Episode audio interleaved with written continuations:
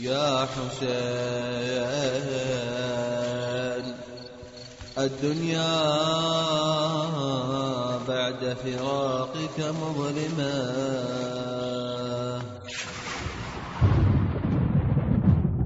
الشيعة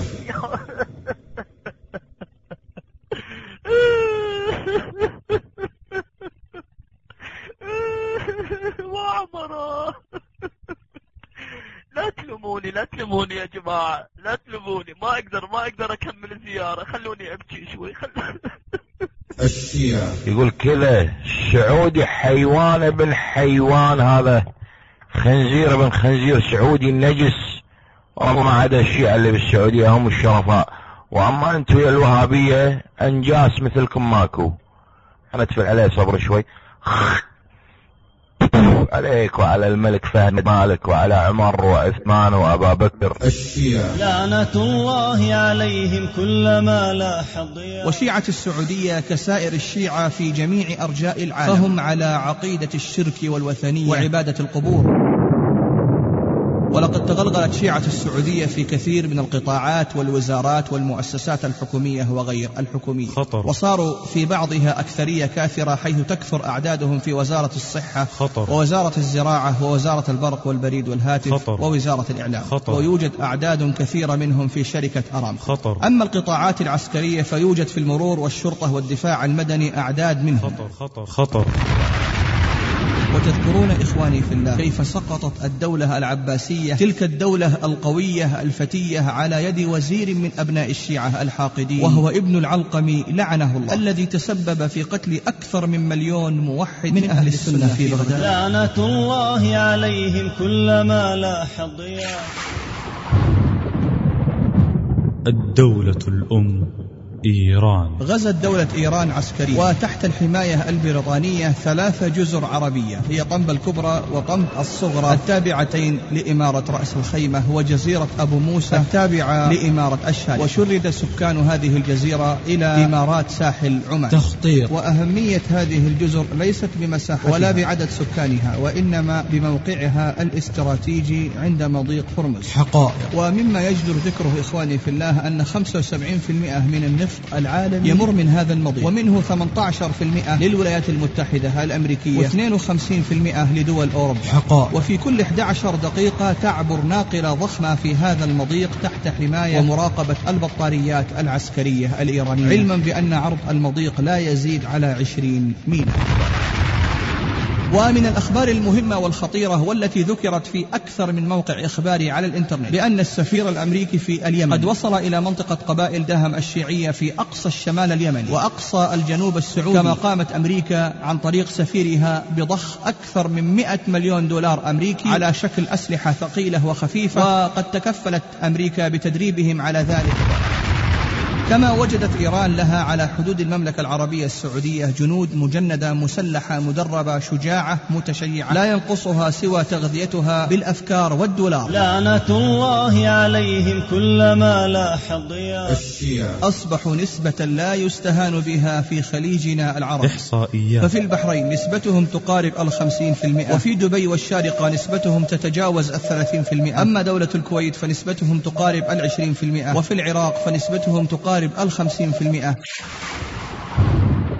كثرة القاعات الرياضية الأهلية في العاصمة بغداد. أمر غريب. والتي يتدرب منتسبوها على أنواع من الألعاب القتال. أو ما يسمى بالقتال الأعزل. سواء كان كاراتيه أو كونغ فو أو جودو. حيث أن أكثر هذه القاعات تعود للشيعة. لماذا؟ فكان جوابهم تقريبا واحد وهو أنهم يريدون أن يعودوا قلوبهم على ضرب السنة بأيديهم لا بالسلاح. فالسلاح الموت به سريع. لا يشفي غليله. أقول إخواني في الله فإن الشيعة عموما لا يتحلون بالشرف والعفة إلا من رحم ربي. ولا أظن ذلك إلا انتقاما من الله وذلك منهم. بسبب تعرضهم لعرض النبي صلى الله عليه وسلم بالطعن وكما قيل الجزاء من جنس العمل. لعنة الله عليهم كلما لاح الشيعة. وسوف أتكلم عن الدول الآتية. بلاد الحرمين الشريفين دول الخليج العربي واليمن ومصر والعراق دولة السودان والسنغال ودولة نيجيريا ثم دولة الفلبين. ودولة إندونيسيا. ثم أفغانستان. وتركيا. والبوسنة والهرسك في شرق أوروبا. ثم أختم بالولايات المتحدة. الأمريكية. أقول هي نصيحة صادقة مشفقة أحذر بها إخواني في كل مكان وزمان. من هذا المد الشيعي الذي بدأ ينتشر في كل مكان. ووراءه دولة تؤازره وتدعمه. وهم يخططون للنيل من السنة وأهلها. بكل ما أوتوا من مكر ودهاء. الشيخ ممدوح الحربي. في محاضرة بعنوان الأخطبوط الشيعي في العالم. في العالم. الحمد لله رب العالمين والصلاة والسلام على أشرف الأنبياء والمرسلين نبينا وحبيبنا وقدوتنا محمد بن عبد الله صلى الله عليه وعلى آله وصحبه وسلم. وبعد أحييكم إخواني في الله بتحية الإسلام وتحية أهل الجنة. فالسلام عليكم ورحمة الله وبركاته. وأسأل الله تعالى كما جمعنا في هذه الدنيا على طاعته أن يجمعنا في الآخرة في جنته بجوار الحبيب الخليل محمد بن عبد الله صلى الله عليه وآله وسلم. آمين. ونتكلم هذا اليوم أحبابي في الله عن الأخطبوط الشيعي في العالم وحديثي أحبتي في الله. عبارة عن نصيحة صادقة مشفقة لأبناء ديني وعقيدتي من أهل السنة والجماعة. سواء كانوا من العلماء أو الأمراء أو العامة من الرجال والنساء بل حتى الأطفال. أقول هي نصيحة صادقة مشفقة أحذر بها إخواني في كل مكان وزمان. من هذا المد الشيعي الذي بدأ ينتشر في كل مكان ووراءه دولة تؤازره وتدعمه وهم يخططون للنيل من السنة وأهلها بكل ما أوتوا من مكر ودهاء. وتذكرون إخواني في الله كيف سقطت الدولة العباسية تلك الدولة القوية الفتية على يد وزير من أبناء الشيعة الحاقدين وهو ابن العلقم لعنه الله الذي تسبب في قتل أكثر من مليون موحد من أهل السنة في بغداد. حتى أن مؤرخ الإسلام ذكروا أن التتار بسبب هذا الشيعي الخبيث أخذوا أكثر من سبعمائة أميرة عباسية وانشغلوا بفض أبكارهن عند دخولهم مدينة بغداد. أقول إخواني في الله هي كلمات أحذر بها نفسي وإخواني المسلمين من هذا الأخطبوط الشيعي الذي بدأ يزحف على المسلمين. ومن هذا المنطلق أحببت أن أتكلم عن الأخطبوط الشيعي في العالم. وحديثي سيكون بإذن الله تعالى مرتبا على بعض الدول بقدر استطاعتي وذلك اختصارا للوقت وسوف أتكلم عن الدول الآتية. بلاد الحرمين الشريفين دول الخليج العربي واليمن ومصر والعراق. ثم نتكلم عن قارة إفريقيا وأتكلم فيها عن دولة السودان والسنغال ودولة نيجيريا. ثم دولة الفلبين ودولة إندونيسيا ثم أفغانستان وتركيا والبوسنة والهرسك في شرق أوروبا ثم أختم بالولايات المتحدة الأمريكية. وقبل أن أبدأ بأول الدول أحبابي في الله أحب أن أبين وأوضح الحقد الشيعي الدفين والقديم على أهل السنة والجماعة وذلك بعرضي لبعض الملفات الصوتية الخطيرة والحساسة. والتي تبين أن شيعة اليوم هم شيعة الأمس تماما في الحقد والكره لأهل السنة سواء كانوا من الصحابة أو من العلماء أو من ولاة الأمر. وفقهم الله.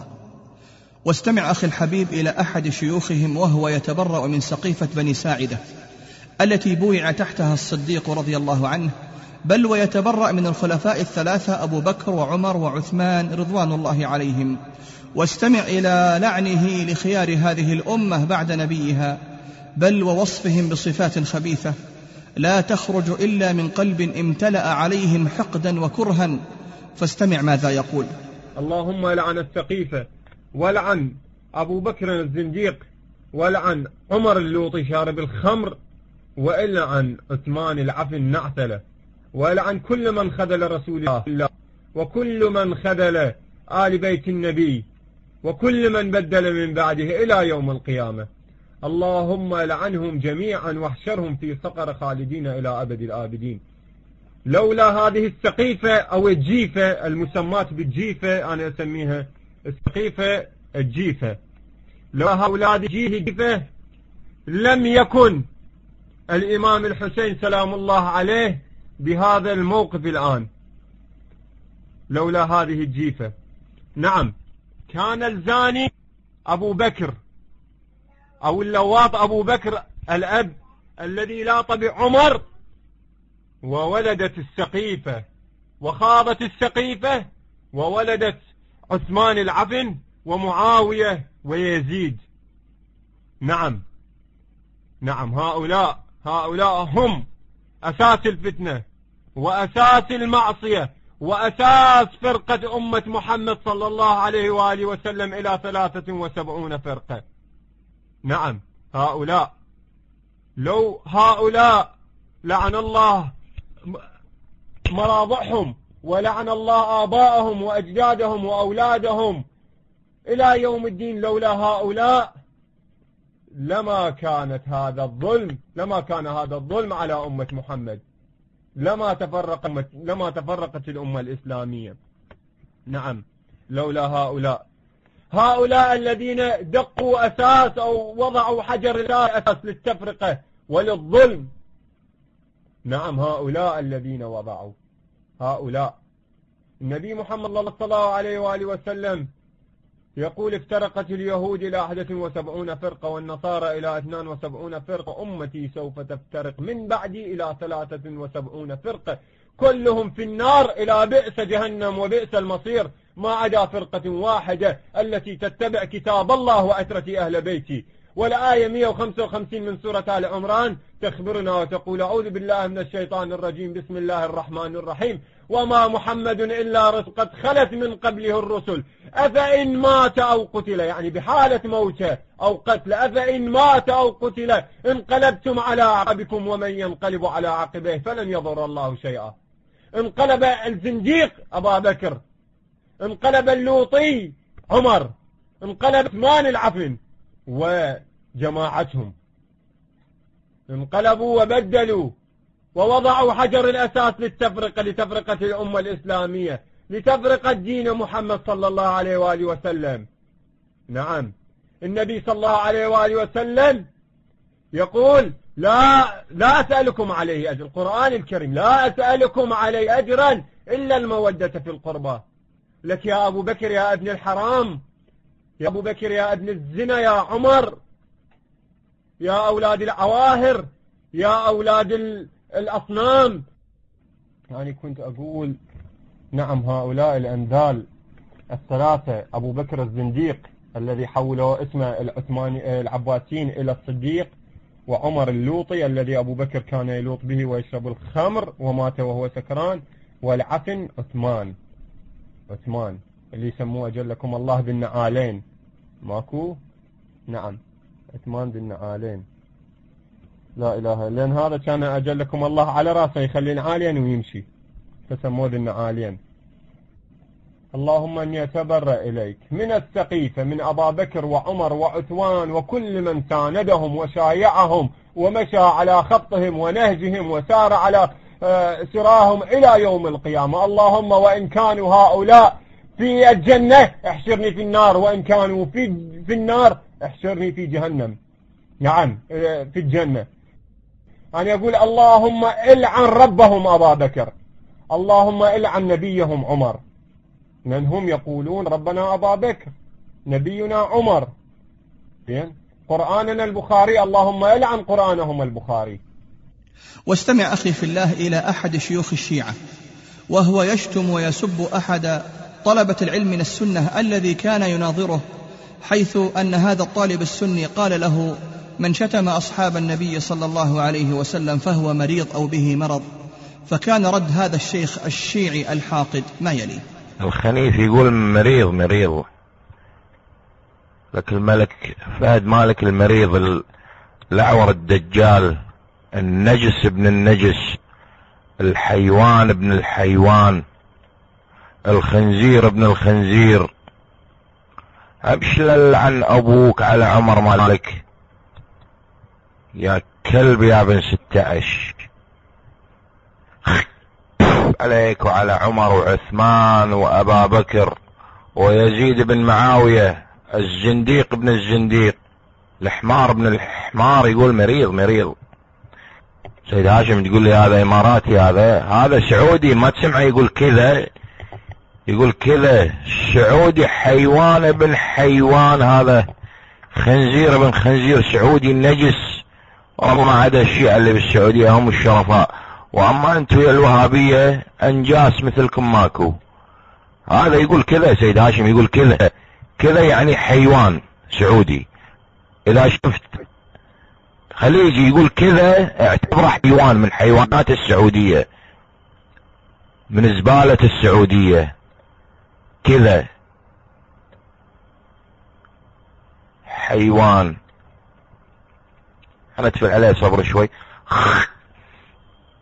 عليك وعلى الملك فهد مالك وعلى عمر وعثمان وأبا بكر. واستمع أخي في الله إلى أحد شيوخهم وهو يدعو بدعاء الاستفتاح قبل الشروع بالإجابة على أسئلة أتباعهم. وهذا الدعاء فيه السب واللعن لأبي بكر وعمر وعثمان وحفصة وعائشة ومعاوية رضي الله عنهم. بل وفيه لعن شيخ الخنازير ابن تيمية وشيخ الكلاب محمد ابن عبد الوهاب كما يزعمون. فاستمع إلى هذا الدعاء من شيخه. آه اللهم صل على محمد وآل محمد وعجل فرجهم والعن أعداءهم والعن أبا بكر وعمر وعثمان وعائشة وحفص ومعاوية ويزيد بن معاوية. والعن إلهي شيخ الخنازير بن تيمية وشيخ الكلاب محمد بن عبد الوهاب. والعن إلهي الوهابية قاطبة من الآن إلى يوم القيامة.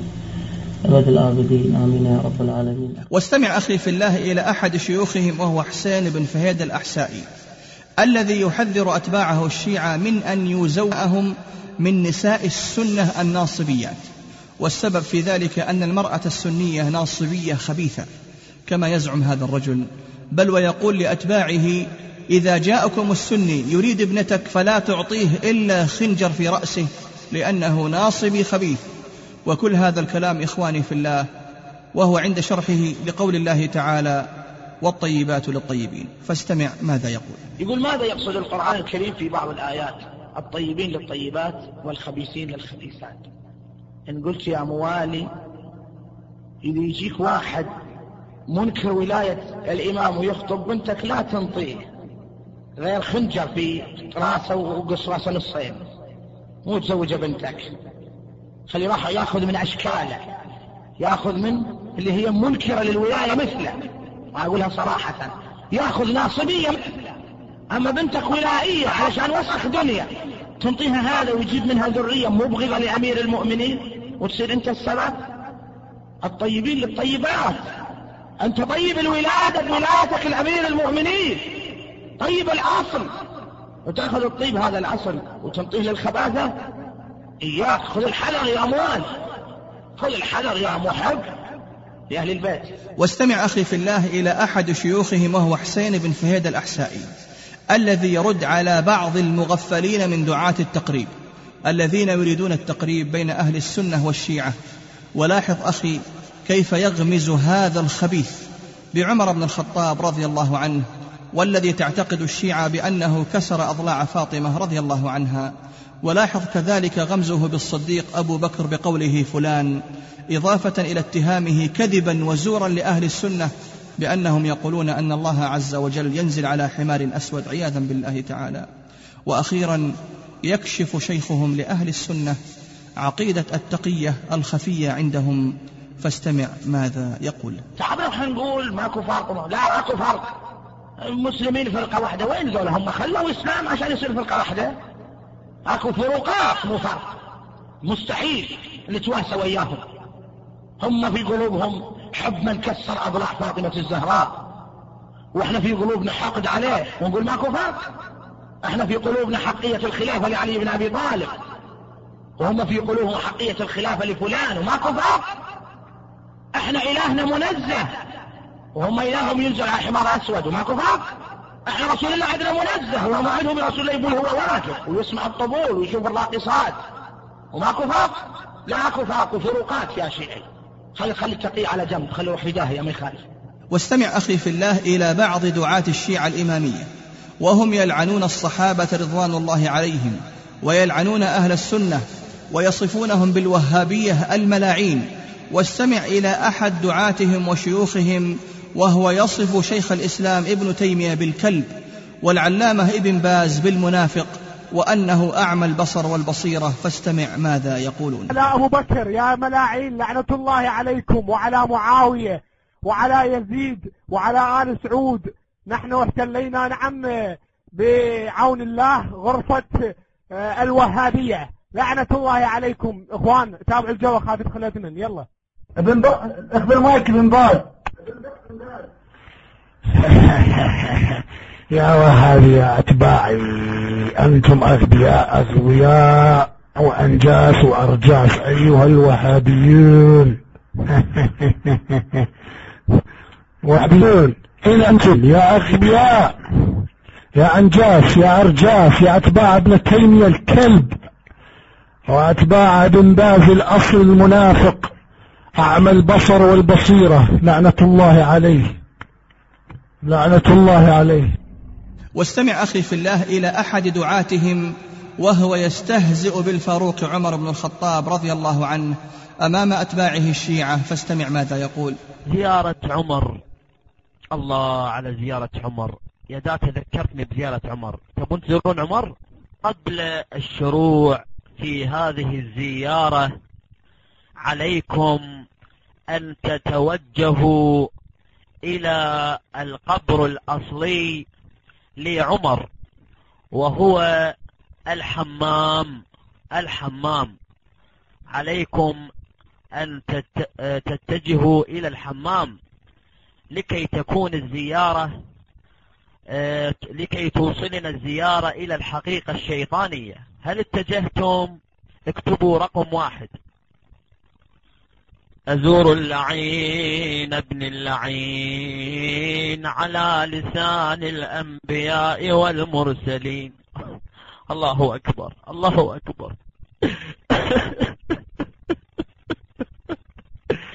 لا تلوموني لا تلوموني يا جماعة. أنا ما أتحمل ما أتحمل.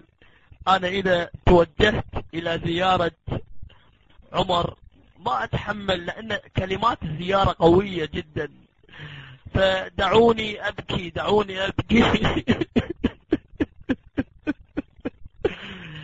أزور اللعين ابن اللعين على لسان الأنبياء والمرسلين. عمر بن الخطاب السماد عليك يا مذل المؤمنين.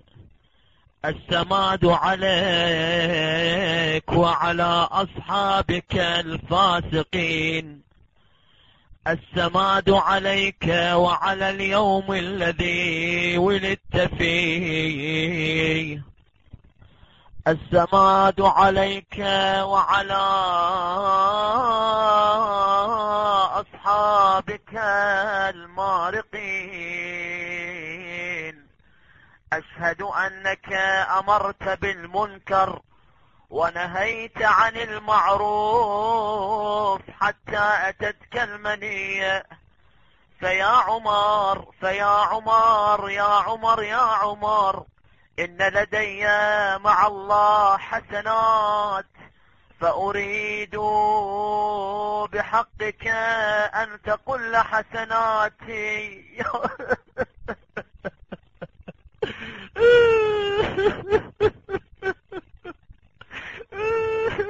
وعمره. لا تلوموني لا تلوموني يا جماعة. لا تلوموني. ما أقدر ما أقدر أكمل الزيارة. خلوني أبكي شوي. خل...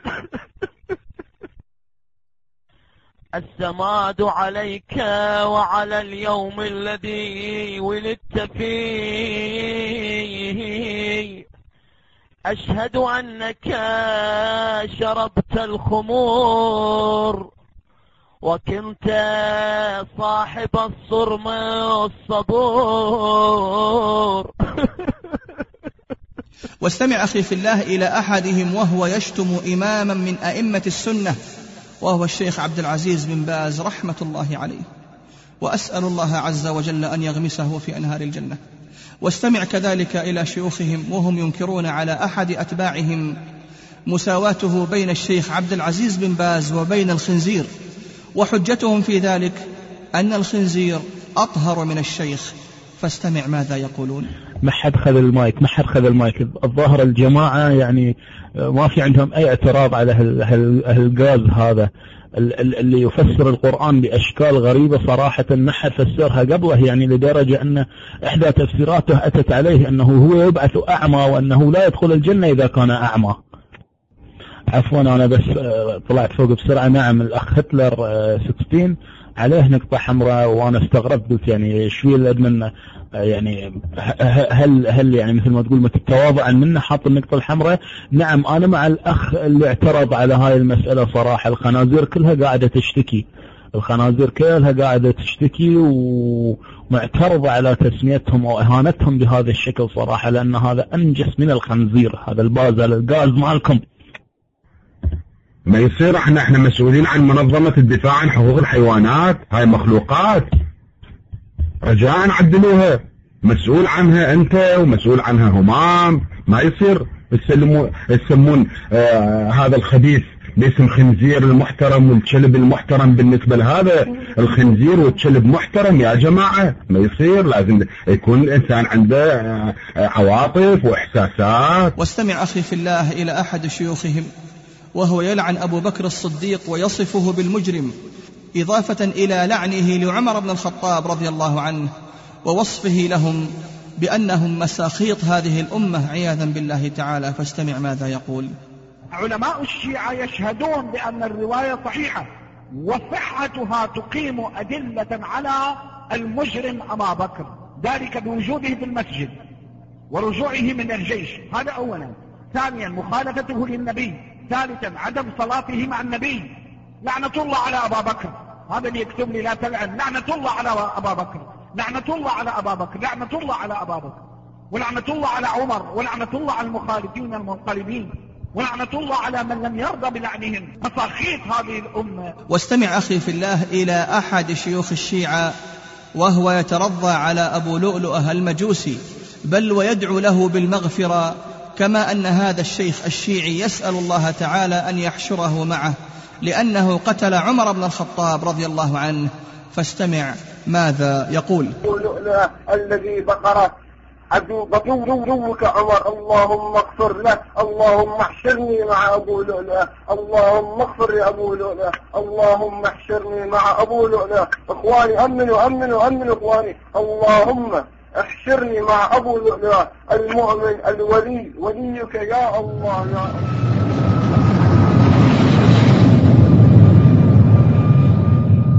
والآن ننتقل إلى انتشارهم في بعض الدول ونبدأ إخواني في الله ببلاد الحرمين الشريفين. ففي المملكة العربية السعودية بلاد الحرمين الشريفين ومهبط الوحي وبلاد التوحيد ودعوة الشيخ المجدد الإمام محمد بن عبد الوهاب رحمه الله وحماها الله وكل من فيها من الأمراء والعلماء وعامة أهل السنة من كل سوء. أقول لم يكن الإيرانيون الشيعة في يأس أو غفلة عن ممارسة مخططاتهم في تصدير الثورة إلى هذه البلاد المباركة الطاهرة. وذلك من استغلال إخوانهم من الروافض المتواجدين في الأحساء والقطيف والمدينة المنورة والذين يشكلون بطبيعتهم طابورا مؤيدا لخطط وأفكار إيران السياسية والدينية. ويتلقون منها الدعم والتأييد المتبادل ولن ننسى موقف الشيعة في المملكة بالدعم اللامحدود لإيران أثناء الحرب العراقية الإيرانية كالدعم المادي المتمثل في جمع التبرعات وإرسالها إلى دولة إيران. ولشيعة السعودية دعوة جادة لتكثير التناسل بينهم والحث على الزواج المبكر وتعدد الزوجات. ولذلك فإن من الملفت للنظر لمن دخل مثلا مدينة القطيف وتجول فيها أن يرى تلك اللوحات الكثيرة التي تحمل التهاني والتبريكات بمناسبات الزواج. ولعل العجب يبلغ بك غايته إذا علمت أنه في ليلة واحدة في مدينة القطيف أقيم المهرجان الثاني للزواج الجماعي حيث كان عدد المتزوجين. الذين تم زفافهم هو 26 عريس. وفي سيهات أقيمت ثلاث مهرجانات للزواج الجماعي. كان عدد المتزوجين في المهرجان الأول واحد وعشرون شابا وفي المهرجان الثاني سبعا وعشرون شاب وفي المهرجان الثالث أكثر من أربع وأربعين شاب. وفي المهرجان الرابع قرابة المئة عريس وعروس وكل هذه الزواجات تكلمت عنها الصحف إشادة بها وثناء عليها بغفلة متناهية وسذاجة قاتلة. وللشيعة وجود في جامعة الملك فيصل بالدمام والأحساء ويحرصون على التخصصات القوية والعلمية كما أنهم يدرسون في أقسام اللغة العربية. ولهم تجمعاتهم المعروفة في أروقة الجامعة وفي السكن الجامعي ويصلي بعضهم في أماكن محددة من مرافق الجامعة ويقومون بإثارة الشبه مع بعض المحاضرين أو الأساتذة المتعاقدين. كما يقوم بعض الطلاب من الشيعة بتوزيع منشورات تخدم معتقداتهم بل ووضع بعض إعلاناتهم وهي إعلانات الزواج التي تقام في إحدى الحسينيات. كما يقومون بدعوة العمال الأجانب والطلاب الوافدين إلى مذهبهم الباطل إن تمكنوا من ذلك في بعض الأحيان. ولقد تغلغلت شيعة السعودية في كثير من القطاعات والوزارات والمؤسسات الحكومية وغير الحكومية. وصاروا في بعضها أكثرية كاثرة حيث تكثر أعدادهم في وزارة الصحة ووزارة الزراعة ووزارة البرق والبريد والهاتف ووزارة الإعلام. وغيرها من الوزارات ويوجد أعداد كثيرة منهم في شركة أرامكو. أما القطاعات العسكرية فيوجد في المرور والشرطة والدفاع المدني أعداد منهم كما أن منهم أعدادا في القوات البحرية السعودية وقد حصلوا على رتب كبيرة في هذا المجال الخطير. وأما إدارة التعليم فهم يشكلون فيها نسبة ليست بالقليلة فهم يعملون في كثير من الوظائف التعليمية كالتدريس والإدارة والوكالة والإرشاد الطلابي. كما أن لشيعة السعودية نشاطا تجاريا بارزا وملحوظا. وليس ذلك على مستوى القطيف فحسب بل وفي الدمام والجبيل وغيرها من مدن هذه البلاد أسأل الله أن يشرفها ويحميها. ومنهم التجار الأثرياء الذين لمعت أسماء مصانعهم وشركاتهم في ميدان التجارة. فهناك على سبيل المثال شركة المخابز الوطنية. والتي تقوم بإنتاج الخبز بألوانه المختلفة إضافة إلى إنتاج الألبان ومشتقاتها. وهذه الشركة ملك لرجل شيعي اسمه عبد الله المطرود. كما أن هناك مخابز تسمى مخابز الجواد وهي ملك لشيعي آخر في الأحساء. ولا تقل تنوعا في منتجاتها وانتشارها في سائر أنحاء المملكة عن سابقتها. وهناك شركة السيهات للنقل وهي أو التميمي والسيهات للنقل وهي شركة معروفة على مستوى المملكة. وهناك أيضا شركة أبو خمسين بتجاراته المتنوعة والمرهون للمزادات العلنية. وغير أولئك من الأثرياء الذين لهم تجارات ضاربة وأموال طائلة. كما أنهم يستحوذون على بعض تجارة الذهب في المنطقة الشرقية. أما أسواق الخضار بالمنطقة الشرقية فالكثير منها تحت تصرفهم ورهن أيديهم. ولذا لا عجب أن تعلم أن الفواكه والخضار يرتفع سعرها في مواسم العزاءات وبخاصة في يوم عاشوراء وما يسبقه من أيام. وذلك لأن عددا كبيرا من الباعة الشيعة يمتنعون عن البيع في ذلك اليوم. والأمر نفسه في تجارة التمور في المنطقة الشرقية وفي المدينة النبوية حيث أن غالب تمور منطقة الأحساء بأيديهم كما أن كثيرا من تمر العجوة الذي ينبت بالمدينة النبوية في أيديهم كذلك فضلا عن الأحساء والقطيف. فهي من أخصب الأراضي وأوفرها مياها وأن أحسن تمر وهو العجوة ينبت في منطقة العوالي التي يقطنها الرافضة الشيعة في مدينة رسول الله صلى الله عليه وآله وسلم. أضف إلى ذلك امتلاكهم شبه التام لتجارة الأسماك في المنطقة الشرقية.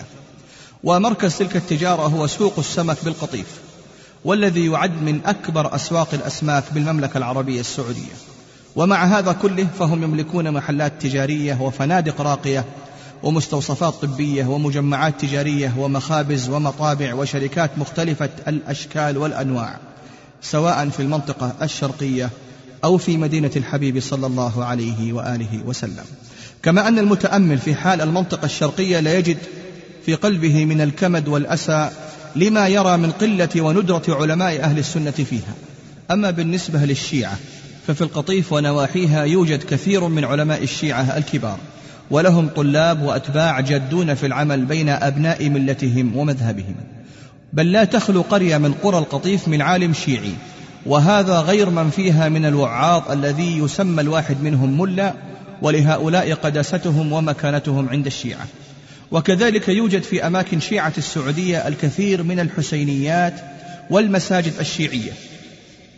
وإذا قدر لك أن تدخل القطيف في وقت الأذان فلا تعجب إذا سمعت النداء وهو يقول أشهد أن علي ولي الله حي على خير العمل يدوي في الأرجاء وفي تلك المساجد أوزاع من الناس يضربون الأفخاذ ويسجدون على الحصى والمسابح. ومن بين هذه المساجد مثلا مسجد الزهراء ومسجد عمار بن ياسر ومسجد الإمام الحسين بصفوة ومسجد الإمام علي ومسجد القلعة ومسجد العباس. وتعتبر الحسينيات منبرا إعلاميا ومجمعا رحبا لشيعة السعودية يلتقون فيها في مناسباتهم الكثيرة كالزواجات والأفراح والعزاءات حيث يثار حماسهم ويبث فيهم حب الانتقام من أهل السنة والجماعة. والمدهش أن هذه الحسينيات تنتشر انتشارا كبيرا حيث يوجد في الحي الواحد أكثر من حسينية. توقف عليها الأوقاف والنذور ولها طابع القداسة عندهم. ومن تلك الحسينيات مثلا حسينية الزهراء وحسينية الإمام المنتظر بسيهات وحسينية الناصر بسيهات وحسينية الزائر بالقطيف وحسينية الإمام زين العابدين وحسينية الرسول الأعظم والأعجب من هذا كله إخواني أن هناك الكثير من الحسينيات تدعم مباشرة من حزب الله اللبناني وقد أخبرني بذلك من تحول منهم وما زال يكتم إيمانه وتحوله. ولا يوجد شيعي سعودي إلا وقد دخل تلك الحسينيات وسمع ما يدور فيها وجلس إلى وعاظها وشيوخها وحضر احتفالاتها مما يرسخ مبادئ مذهبهم الفاسد في نفوس عوامهم رجالا ونساء كبارا وصغارا. كما لا تخلو قرية من قرى الشيعة من جمعية خيرية تتبنى الكثير من المشروعات وتوصل الإعانات إلى أبناء الشيعة ومن هذه الجمعيات الشيعية بالأحساء جمعية العمران الخيرية وجمعية المواساة الخيرية بالقارة وجمعية البطالية. وتقوم تلك الجمعيات بجهود كبيرة منها مساعدات الزواج ورعاية المرافق العامة في مناطق الشيعة كأماكن العبادة والحسينيات ومغاسل الموتى وإصلاح المقابر كما تقوم هذه الجمعيات الشيعية بإنشاء الدورات المختلفة في الحاسب الآلي والآلة الكاتبة والخياطة إضافة إلى إقامة مدارس رياض الأطفال والعناية بها كما تهتم هذه الجمعيات بالمرضى وتوفر لهم سبل العلاج. وقد بلغت إيرادات إحدى تلك الجمعيات وهي جمعية العوامية الخيرية. في إحدى الأعوام إلى قرابة 2 مليون و381 ألف ريال سعودي وبلغت إيرادات جمعية المنصورة الخيرية بالإحساء في إحدى الأعوام إلى مليون وستمائة ألف ريال سعودي. وشيعة السعودية كسائر الشيعة في جميع أرجاء العالم فهم على عقيدة الشرك والوثنية وعبادة القبور ومن مظاهر الشرك والابتداع المعلنة في بلاد التوحيد تشييدهم القبور وجعلهم إياها مشرفة والبناء عليها ووضع صور الميت عند القبر أحيانا وطلب قراءة الفاتحة على روحه ووضع النصب وركز الأعلام على القبور في بعض الأحيان. ومن ذلك أنه في قرية من قرى القطيف يوجد قبر يزعمون أنه قبر اليسع عليه السلام. قد ركزت عليه الأعلام ووضع بجانبه مكان للصلاة وبجواره صندوق به أوراد شركية ومسابح وصندوق آخر للتبرعات لذلك القبر. وقريب من ذلك الضريح يوجد عدد من القبور المشيدة والمبني عليها. وكل المقابر في القطيف ونواحيها على هذا النمط المبتدع. كما تقوم شيعة السعودية بنشر وبيع صور الأضرحة والمراقد المزعومة لآل البيت رضوان الله عليهم كمرقد الكاظم وعلي والباقر ومشهد الحسين وغيرها رضي الله عنهم. وهذه الصور تلون وتحمل وتباع في أسواقهم علانية ويتداولون كذلك صور علمائهم ومجتهديهم كصورة الخميني والخوئي وغيرهم ويتفاخرون بامتلاكها وتعليقها وبيعها في أسواقهم. كما يبيعون أوراقا فيها بيان أسماء الأئمة ومواليدهم ووفياتهم وأماكن قبورهم ونحو ذلك. كما يقومون بتعليق الزينات وإضاءة الأنوار واللافتات وتوزيع الحلوى وعقد الندوات والمحاضرات في كثير من حسينياتهم في القطيف احتفالا ببعض شعائر دينهم كالاحتفال بعيد الغدير أو مولد هذا الإمام أو ذاك.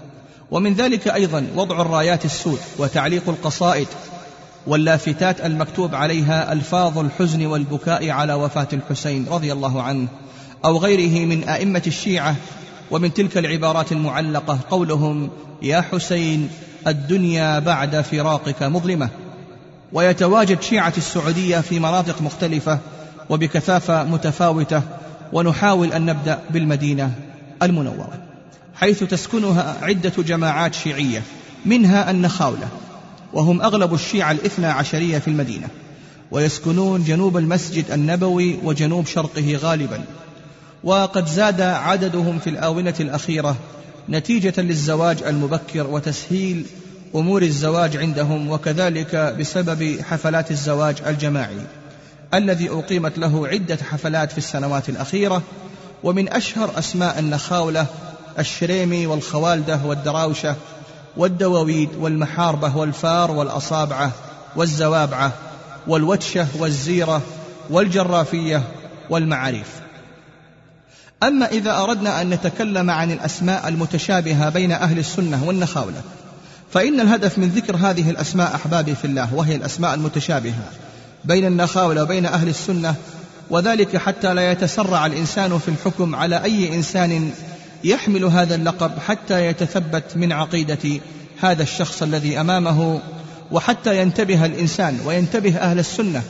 فربما استخدم النخاولة وباقي فرق الشيعة هذه الألقاب حتى لا يعرف من بين عوائل أهل السنة ويستطيعون بعد ذلك العمل بهدوء والتغلغل بينهم عن طريق الخداع والكذب. ومن هذه الأسماء والألقاب المتشابهة الفحل. أقول الفحل. وهذا اللقب يحمله بعض أهل السنة ويوجد بين النخاولة أيضا وهم من قسم الدواويد. آه لقب المزيني وهي قبيلة معروفة من حرب ويوجد هذا القسم بين النخاولة وهم من قسم الفار. الحربي أو الحربي يحمل هذا اللقب كثير من القبائل المعروفة والعريقة ولكن يحمل هذا اللقب أيضا فرع من فروع النخاولة وهم من قسم الدواويد وهم بكسر الحاء يعني حربي. ولكنهم إذا سئلوا عن لقبهم فإنهم لا يكسرون الحاء فيقولون حربي تدليسا على السائل. الخضيري يحمل هذا اللقب بعض قبائل القصيم وفيهم العلماء وأهل الخير أسأل الله أن يوفقهم. ولكن هذا اللقب يوجد أيضا بين النخاولة لقب العيسائي يحمل هذا اللقب بعض من الحضارم السنة ولكنه يوجد بين النخاولة وهم من فرع الأصابعة. لقب الصافي يحمل هذا اللقب بعض من الحضارم السنة وهم من آل البيت. ويحمله أيضا بعض النخاولة وهم من فخذ أو فرع الزيرة. لقب الصاوي يحمل هذا اللقب بعض من أهل السنة ويحمله بعض النخاولة وهم من فخذ الوتشة.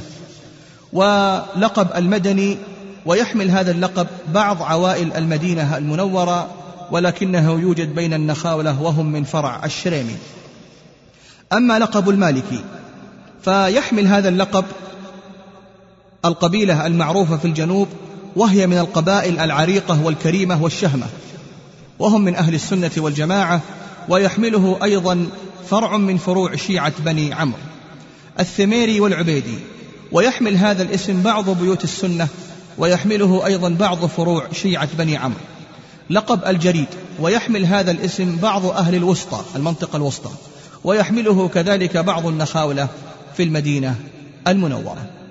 أما إذا انتقلنا إلى بعض قبائل المدينة من الشيعة فيقل عددهم عن الشيعة من النخاولة وهم من قبائل متفرقة والتشيع فيهم طارئ منذ وقت قريب حيث أن أجداد الكثير منهم من أهل السنة والجماعة ولكن بسبب الجهل بالدين والإغراءات المالية من قبل النخاولة وفقر هذه القبائل الفقر الشديد وكذلك المعاملة الحسنة من النخاولة أدت إلى تشيعهم وهم قلة بالنسبة للقبائل الأخرى وبالنسبة لأصولهم التي يرجعون إليها فكثير من أبناء عمومتهم هم من أهل السنة. فمثلا الشيعة من قبيلة عوف من حرب فعدد الشيعة في هذه القبيلة قليل جدا ولله الحمد.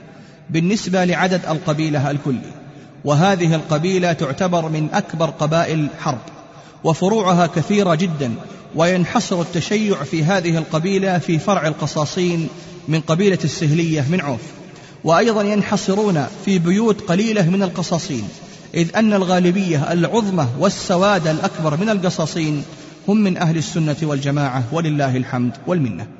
الفرع الثاني وهو من قبيلة بني عمرو أو العمري من حرب. وهذه القبيلة تكاد تكون من أكثر القبائل دخولا في التشيع. وهم محصورين بفخذ واحد من هذه القبيلة وهو فخذ بني جهم أو الجهمي أقول إخواني في الله لكن إذا قورن العدد الكلي لهؤلاء مع بقية قبيلة بني عمرو فهؤلاء لا يساوون ولا تعتبر لهم نسبة كبيرة. لكن تكمن خطورة هؤلاء في تسمياتهم المختلفة والموافقة لتسميات بعض قبائل أهل السنة فربما تنطلي على الجاهل بهم ويكفي في معرفتهم سؤالهم هل هو من بني جهم أو لا. وديار هؤلاء الشيعة هي بعض القرى في وادي الفرع ولا ننسى كذلك إخواني في الله عائلة المشهد أو المشاهدة والذين يتواجدون في مكة والمدينة المنورة إلا أنهم أقل الفئات عددا ومن آل المشهد الكاتب والروائي محمد ابن عيسى المشهدي. كذلك من جماعات الشيعة في المدينة الأشراف ويأتون بعد النخاولة في العدد وهم سادة من بني هاشم. والأشراف قسمان قسم سني وقسم شيعي. وأما القسم الشيعي فهم بعض الموجودين في المدينة المنورة كما يوجد أشراف في قرية السوارقية بالمهد وهم شيعة أيضا كما أنهم ينتشرون في مناطق أخرى غير المدينة المنورة مثل مكة المكرمة وجدة والطائف ومدن المملكة الجنوبية. وكذلك ينتشر الشيعة في الأحساء والقطيف وبأعداد قليلة في مدينة جدة ومكة إضافة إلى وجود بعض الشيعة اللبنانيين وأغلبهم من حزب الله اللبناني في مدينة الرياض كما تنتشر الشيعة الإسماعيلية المكارمة في جنوب مملكتنا الحبيبة وبالتحديد في مدينة نجران.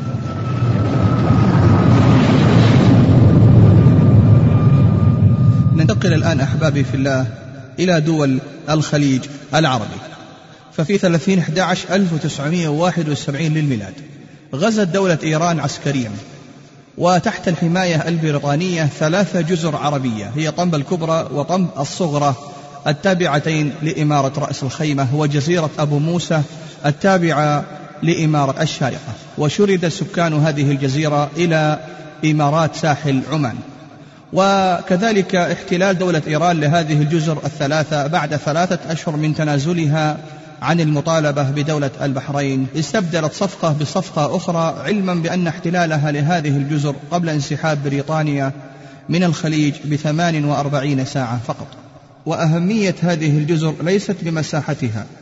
ولا بعدد سكانها وإنما بموقعها الاستراتيجي عند مضيق هرمز. ومما يجدر ذكره إخواني في الله أن 75% من النفط العالمي يمر من هذا المضيق ومنه 18% للولايات المتحدة الأمريكية و52% لدول أوروبا. وفي كل 11 دقيقة تعبر ناقلة ضخمة في هذا المضيق تحت حماية ومراقبة البطاريات العسكرية الإيرانية. علما بأن عرض المضيق لا يزيد على عشرين ميلا. ومن مضيق هرمز تمر شاحنات النفط العراقي والكويتي والسعودي والقطري ونفط أبو ظبي إضافة إلى النفط الإيراني.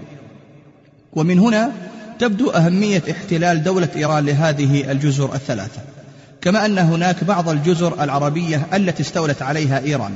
دون أن يثير استيلاؤهم أي ردة فعل ومنها جزيرة صرى الواقعة بين أبو ظبي والشارقة في عام 1964 للميلاد حيث أسسوا فيها مطارا حربيا مهما وكذلك استولوا عام 1950 للميلاد على جزيرة هنجام القريبة من رأس الخيمة. كما احتل الشيعة الإيرانيون على جزيرة الغنم التابعة لعمان لمكانتها الاستراتيجية على مضيق هرمز. وتعتقد جميع الحكومات الفارسية المتعاقبة أن الخليج الفارسي من بداية شط العرب إلى مسقط بجميع جزره وموانيه بدون استثناء ينتمي إلى فارس بدليل أنه خليج فارسي وليس عربيا كما يقولون. وقد بدأ الإيرانيون الشيعة بغزو دول الخليج منذ مطلع القرن الرابع عشر الهجري.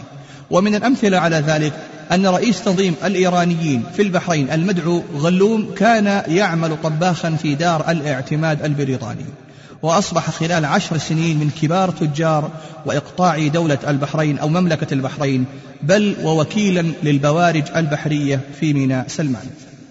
وفي دبي كانت هناك عصابة من الإيرانيين الشيعة يتزعمها الميجر البريطاني لوريمر وفي قطر كان نادي تاج مركز تجسس وتخطيط يرتبط بدار الاعتماد البريطاني مباشرة. ومن الإيرانيين الشيعة الذين برزوا في ميدان التجارة في الخليج العربي حتى أصبحوا من كبار التجار البهبهاني والكاظمي والمزيدي وسليمان حاجي حيدر ولاري وأولاده وعبد الرضا إسماعيل إشكناني ومحمد صديق خليل لاري وأكبر رضا وفريدوني وقبازرد ومعرفي وبوشهري ودشتي وغيرهم الكثير والكثير. ويتولى التجار الإيرانيون الشيعة السيطرة على عدد كبير من الشركات الكبرى منها شركات استيراد المواد الغذائية واستيراد الخضار وأعمال الصيرفة كما يحاولون السيطرة على تجارة الجملة والاستيراد. وعلى معظم المخابز القديمة إضافة إلى أنهم يحاولون امتلاك أكبر مساحة ممكنة من العقارات السكنية والأراضي الزراعية وتجارة السجاد. وكذلك يقوم الإيرانيون الشيعة المستوطنون في دول الخليج بتجارة الأسلحة. ففي عام 1961 للميلاد اكتشفت السلطات البحرينية كمية كبيرة من الأسلحة في بيت رجل شيعي إيراني يدعى سردار. ثم اكتشفت أسلحة في بيت إيراني آخر كان يشتغل عامل بناء وتبين بعد ذلك أنه ضابط في الجيش الإيراني. وفي عام 1965 للميلاد ضبطت أسلحة عند أربعة من الشيعة الإيرانيين أثناء دخولهم دولة قطر ثم غطيت قضيتهم لأن الأسلحة كانت مستوردة لبعض كبار التجار الإيرانيين والذين حصلوا على الجنسية القطرية وأصبحوا من علية القوم. كما اكتشفت السلطات الكويتية عام 1965 للميلاد كميات كبيرة من الأسلحة المهربة في مخبز إيراني في حي السالمية إثر انفجاره كما تم اكتشاف مستودع للأسلحة داخل مخبز إيراني آخر إضافة إلى تهريب الأسلحة عن طريق البحر والذي يوزع معظمه إلى الإيرانيين الشيعة المتواجدين في الخليج العربي. وفي دبي والبحرين تهرب الأسلحة داخل صناديق الأدوية القادمة من إيران. وقد اكتشفت السلطات البحرينية أسلحة ضمن صناديق أدوية مرسلة لصيدلية جعفر في العاصمة البحرينية المنامة. ومن أوكارهم التي اكتشفت عام 1964 مزرعة في رأس الخيمة لأحد الأطباء الإيرانيين الشيعة والتي كان يتوافد عليها مجموعة من الإيرانيين. يصل عددهم إلى 150 شخصا على طريقة التنظيم الهرمي السري. ويتخذ الإيرانيون الشيعة الحسينيات مراكزا لأنشطتهم السرية المريبة والمخيفة.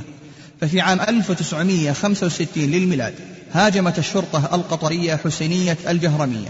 بعد منتصف الليل فوجدوا داخلها أكثر من عشرين إيرانية من الشيعة يتدربون على حرب العصابات وضبط عندهم الكثير والكثير من الأسلحة الرشاشة. والمتتبع لأنشطة الشيعة الإمامية في دولة الكويت مثلا يجد أنهم تمكنوا من تنفيذ العديد من مخططاتهم التي تنتهج أسلوب طول النفس حيث أنهم تملكوا أكثر من 22 مسجدا والمسجد عند الشيعة عبارة عن ملتقى لهم يعقدون فيه اجتماعاتهم ومكتب ودار نشر وفيه عدة لجان تتولى تنظيم شؤونهم الخاصة والعامة. ومنه توزع الكتب والمؤلفات الشيعية التي تدعو إلى عقيدتهم المنحرفة الضالة. كما أن شيعة الكويت لم يكتفوا ببناء المساجد فعمدوا إلى بناء الحسينيات على شكل قلاع لهم فهم يملكون أكثر من ستين حسينية موزعة في مناطق عديدة. كمنطقة الدعية وفيها أكثر من عشرة حسينيات. ومنطقة بنيد القار وفيها أكثر من تسعة حسينيات. وضاحية عبد الله السالم وفيها حسينيتان. ومنطقة المنصورة وفيها أكثر من عشرة حسينيات. ومنطقة الشرق وفيها أكثر من ستة عشر حسينية. ومنطقة الصليبخات وفيها أكثر من 12 حسينية. وفي معظم مساجد وحسينيات الشيعة في الكويت مكتبات تنشر وتوزع فيها الكتيبات والرسائل المجانية بل وفيها غرف يسكنها الشيعة الوافدون من خارج الكويت. ولشيعة الكويت مؤسسات وجمعيات دينية كجمعية الثقافة الاجتماعية في ميدان حولي حيث تتولى هذه الجمعية تنظيم شباب الشيعة في الكويت كما تتولى تنظيم طلبة الثانويات والمعاهد من أبناء الشيعة. كما أن الشيعة يقومون بشراء العقارات والعمارات وهم يهدفون إلى الاستقلال بأحياء لهم.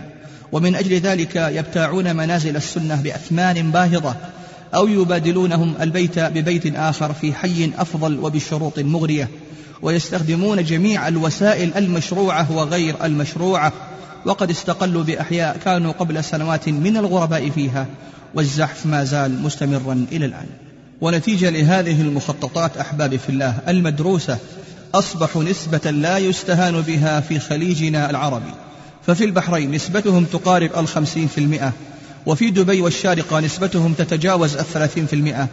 أما دولة الكويت فنسبتهم تقارب العشرين في المئة وفي العراق فنسبتهم تقارب الخمسين في المئة حيث تشيع الكثير من القبائل العراقية.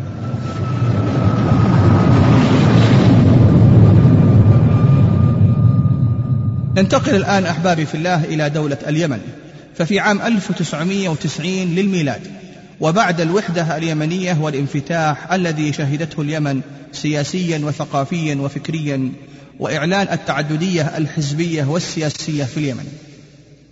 بحثت إيران عبر سفارتها في صنعاء عن أهم وأكبر تواجد قبلي شيعي جدير بالإهتمام دون غيره فوجدت قبائل دهم هي الأجدر والأهم لأسباب منها. شجاعة هذه القبائل وشراستها إضافة إلى تشيعهم الشديد الذي دفعهم إلى الاستماتة في الدفاع عن حكم آل حميد الدين وأئمة اليمن وما قاموا به من مجازر في صفوف الجيش المصري في بلادهم حيث كانوا في مقدمة المحاصرين لمدينة صنعاء آنذاك. ومنها أيضا تمرسهم أي هذه القبيلة على الحروب وامتلاكهم لأنواع الأسلحة الخفيفة والثقيلة. ومن أشهرها مضادات الطيران ومضادات الدبابات وأنواع الأسلحة الرشاشة الخفيفة والثقيلة وتدربهم عليها كما أن موقعهم الحساس على حدود المملكة العربية السعودية والتي تعتبرها إيران العدو الأكبر والأول لها خاصة وللشيعة عامة إضافة إلى مجاورة قبائل دهم لقبائل يام الإسماعيلية وقبائل وائلة المتشيعة في منطقة نجران السعودية. وتقاربهم في الحدود والعادات والتقاليد واختلاطهم في الأنساب مما جعل من قبائل دهم همزة وصل قوية لإيران إلى هذه القبائل السعودية المتشيعة. كما وجدت إيران لها على حدود المملكة العربية السعودية جنود مجندة مسلحة مدربة شجاعة متشيعة. لا ينقصها سوى تغذيتها بالأفكار والدولار وصبغها بالعقيدة الإثنى عشرية وأهداف ومبادئ الثورة الإيرانية. من أجل ذلك وغيره انبرت السفارة الإيرانية ورموز التشيع في دولة اليمن لمد جسور الصلة بقبائل دهم فأرسلت القوافل الدعوية من العلماء والدعاة الاثنى عشرية وهم مزودين بمختلف الوسائل الدعوية الكفيلة لغرس العقائد الاثنى عشرية وأهداف ومبادئ الثورة الإيرانية. واتخذت هذه القوافل من منطقة الجوف العالي مقرا لها حيث تتمركز الزعامات الدينية الشيعية في قبائل دهم في خمس مديريات متقاربة وهي مديرية المتون وتعتبر أكبر معقل للشيعة ثم مديرية المطمة ثم مديرية المصلوب فمديرية الزاهر ثم مديرية الحميدات. أما عن أهم الأنشطة التي قام بها دعاة الشيعة في هذه المناطق أولا قاموا بتوزيع أعداد كبيرة من الكتب والنشرات والأشرطة مجانا وتحت ستار الدعوة الفردية ومنها على سبيل المثال كتاب ابن تيمية في صورته الحقيقية وفيه طعن في شيخ الإسلام رحمة الله عليه ومحاضرة بعنوان الصلة بين العقائد الوهابية والعقائد اليهودية وهو شريط قام بتوزيعه الشيعة في اليمن أثناء ثورة الإسماعيلية المكارمة في مدينة نجران وقد رد عليه بشريط بعنوان العلاقة بين الشيعة واليهود عقديا وعسكريا. كما قام الشيعة أيضا بتوزيع شريط بعنوان الإرهاب الوهابي في العالم الإسلامي وتوزيع كتاب الوهابية وخطرها في مستقبل اليمن السياسي وكتاب كشف الارتياب في أتباع محمد بن عبد الوهاب وكتاب ابن باز فقيه النفط وكتاب صاعقة العذاب في الرد على محمد بن عبد الوهاب وكتاب الوهابية في صورتها الحقيقية وكتاب الفرقة الوهابية في خدمة من؟ إلى جانب كتب أخرى تنضح بتكفير الصحابة ولعنهم وتكفير علماء السنة كما قاموا بنشر فتاوى من كبار علمائهم وهم يلعنون فيها خمسة عشر فرعونا كما يزعمون. أولهم أبو بكر رضي الله عنه وآخرهم يزيد وكتب أخرى لغرس العقيدة الإثنى عشرية وآراء الخميني. وأهداف الثورة الإيرانية. ثانيا أخذت السفارة الإيرانية خمس طلاب من أنبغ طلاب الشيعة من أبناء مشايخ القبائل ومن حملة الشهادة الثانوية. بصحبة زوجاتهم وأرسلتهم في بعثة علمية على حساب السفارة الإيرانية إلى إيران للدراسة في الحوزات العلمية في طهران ولمدة أربع سنوات لدراسة العقائد الإثنى عشرية ونظريات الثورة الإيرانية وقد عادوا إلى قبائلهم دعاة مزودين بما يحتاجون من دعم ووسائل لنشر ما تعلموه ثالثا أخذت السفارة الإيرانية عشرات الطلاب في المرحلة المتوسطة والثانوية إلى مراكز علمية جعفرية في صنعاء وصعدة لتلقي دورات علمية تتراوح ما بين السنة والسنتان وستة أشهر على حساب السفارة لتحصينهم بالعقائد الاثنى عشرية وتأهيلهم دعاة وإعادتهم إلى بني قومهم. رابعا خصصت السفارة الإيرانية كفالات مالية لكل شيخ شيعي مبلغ 500 دولار شهريا ولكل داعية 300 دولار ولكل طالب 100 دولار. خامسا قامت السفارة الإيرانية بإحياء المناسبات الدينية والاحتفالات والأعياد الاثنى عشرية ودعمتها ماديا ومعنويا ومن ذلك عيد الغدير وميلاد علي ومقتل الحسين. كما تم بناء ثلاث مراكز علمية للشيعة ومكتبتان وعدد من التسجيلات إضافة إلى إنشاء معسكر في جبل حام بالمتون للتدريب على مختلف الأسلحة الخفيفة والثقيلة. كما قامت الحكومة الإيرانية عن طريق سفارتها بتزويدهم بوسائل النقل من سيارات وغيرها إضافة إلى فتح مركز طبي لهم في صنعاء باسم المركز الطبي الإيراني وبأحدث الوسائل والخبرات لعلاجهم بالمجان. ونتيجة لهذه العطايا التي قامت بها إيران لشيعة اليمن أصبح من دعاتهم وخطبائهم من يستفتحون دروسهم وخطبهم بلعن الصحابة وعلى رأسهم أبو بكر وعمر ولعن علماء السنة وعلى رأسهم سماحة الشيخ عبد العزيز بن باز وابن عثيمين ولعن المملكة وولاة أمرها وفقهم الله لكل خير. كما بدأ يتحدث علماؤهم في محاضراتهم ودروسهم بفصيح المقال بأن دعوة الإمام محمد بن عبد الوهاب أخطر على الإسلام من اليهود.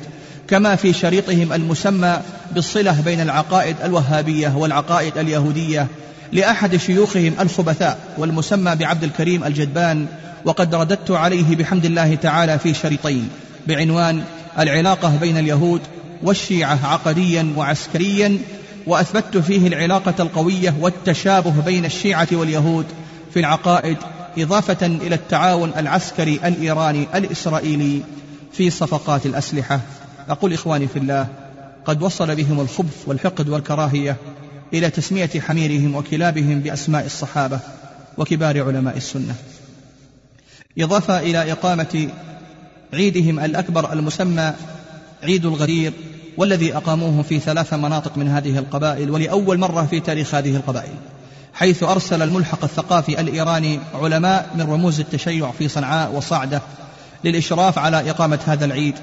الذي يعد من أكبر شعائرهم الدينية وفي حشود غفيرة من هذه القبائل في صبيحة يوم الثامن عشر من ذي الحجة حيث قاموا بإلقاء الكلمات والخطب الرنانة والقصائد الشعرية التي تخللها أنواع من الرصاص والهتافات وأشادوا بهذا اليوم أنه يوم الولاية لعلي وشيعته والبراءة من الخونة الذين خانوه وخذلوه وكتموا ولايته ورفضوا خلافته من أبي بكر حتى يزيد. ابن معاوية ومن على نهجهم من الوهابية وقدموا للناس في آخر الحفل تمثال مكتوب عليه معاوية بن أبي سفيان وآخر عليه عمر بن الخطاب وآخر عليه يزيد وطلبوا من الحاضرين ضربهم بالرصاص والحجارة لأنهم يعتبروا رمز الخيانة والغدر بأهل البيت وشيعتهم من أهل السنة. ومن الأخبار المهمة والخطيرة والتي ذكرت في أكثر من موقع إخباري على الإنترنت وما ذكره موقع مفكرة الإسلام بأن السفير الأمريكي في اليمن قد وصل إلى منطقة قبائل دهم الشيعية في أقصى الشمال اليمني وأقصى الجنوب السعودي وقد استقبله زعماء القبيلة وأطلقت النيران في الهواء ابتهاجا به وحفاوة بقدومه كما قامت أمريكا عن طريق سفيرها بضخ أكثر من مئة مليون دولار أمريكي على شكل أسلحة ثقيلة وخفيفة تشمل مضادات للطائرات ومضادات للدبابات وأنواع أخرى. وقد تكفلت أمريكا بتدريبهم على ذلك من خلال وسطاء استعانت بهم في هذا العمل. وقد وصل إلى هذه المنطقة أيضا بعض المدربين الإيرانيين والذين يقومون بتدريب هذه القبيلة اليمنية.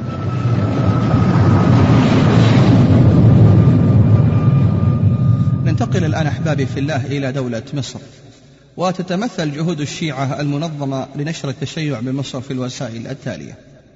جماعة الإخوة الإسلامية والتي أسسها الباطني الهندي محمد حسن الأعظمي في عام 1937 للميلاد. وجعل مركزها قبة الغوري بمصر ويبدو أنها فشلت في أداء ما تهدف إليه فنقلت إلى كراتشي. بعدها تم إنشاء دار التقريب بين المذاهب الإسلامية.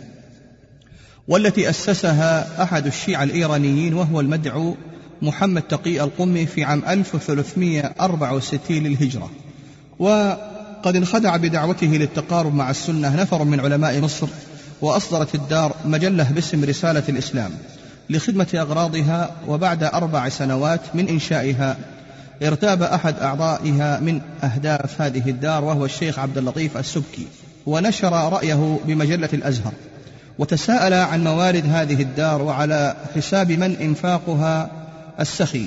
وفي النهاية أغلقت الدار وتبع السبكي في التبرؤ من هذه الدار الشيخ محمد عرفة والشيخ طه الساكت.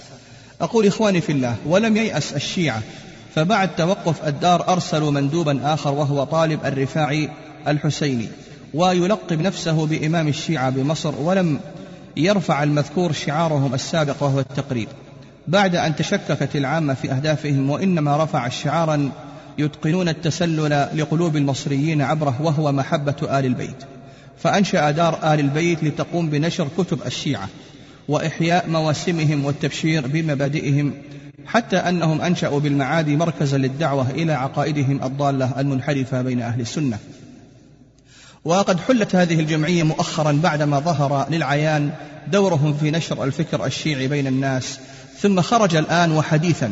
بل في هذه الأيام رجل اسمه محمد الدريني ويلقب نفسه برئيس المجلس الأعلى الشيعي في مصر الذي قام برفع دعوى قضائية على إدارة الأزهر وشيوخه ويطالب بنقل الأزهر وجامعته إلى الشيعة لأنه في زعمه لم ينشأ إلا بأيدي الشيعة الفاطميين والقضية ما زالت قائمة.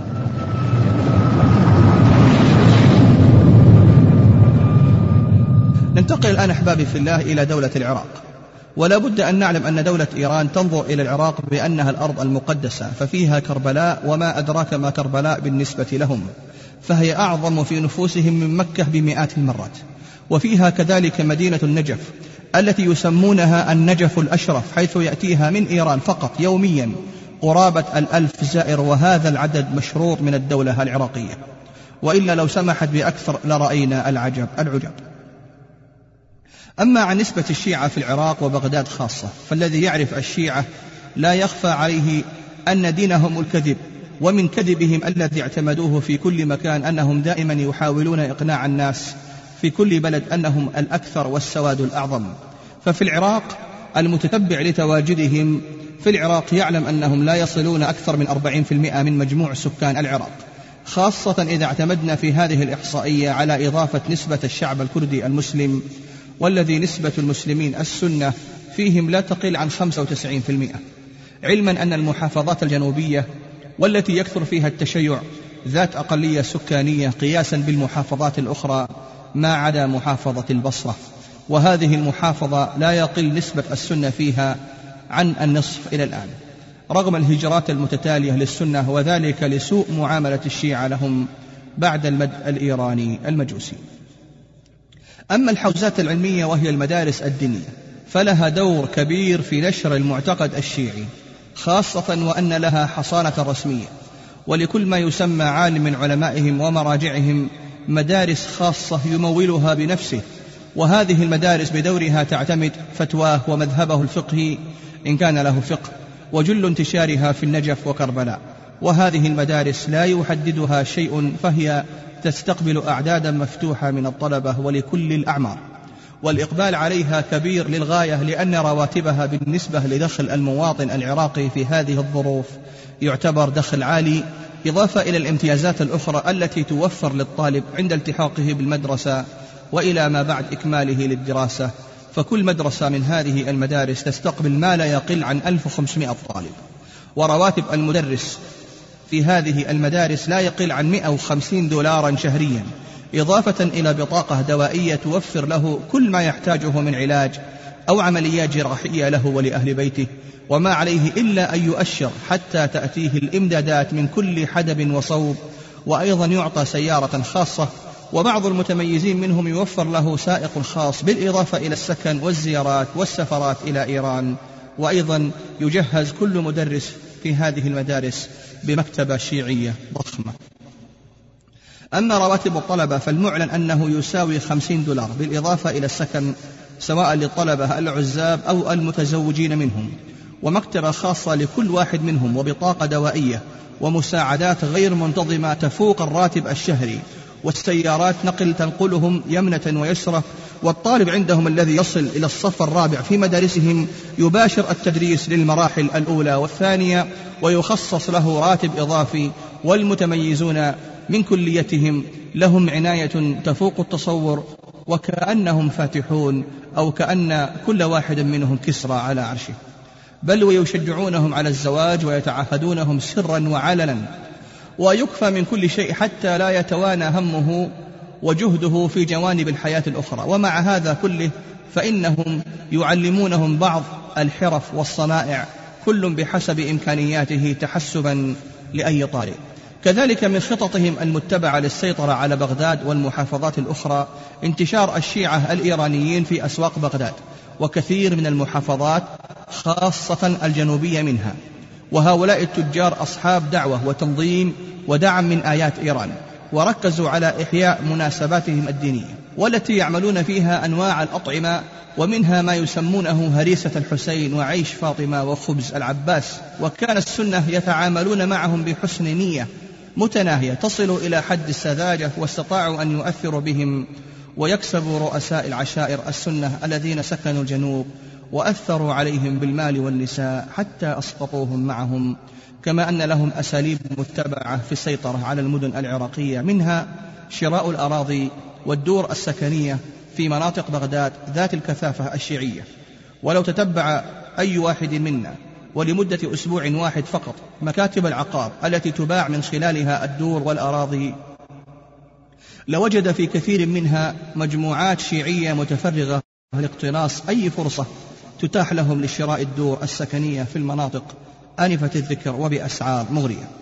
أما المحال التجارية فقد أصبح هاجسا عند كل واحد في بغداد أنه لا يكاد يخطئ إذا أراد أن يشتري شيئا من بغداد. في كثير من المناطق التجارية أن الذي يبيعه هو شيعي بل هناك أسواق مقفلة تماما على الشيعة.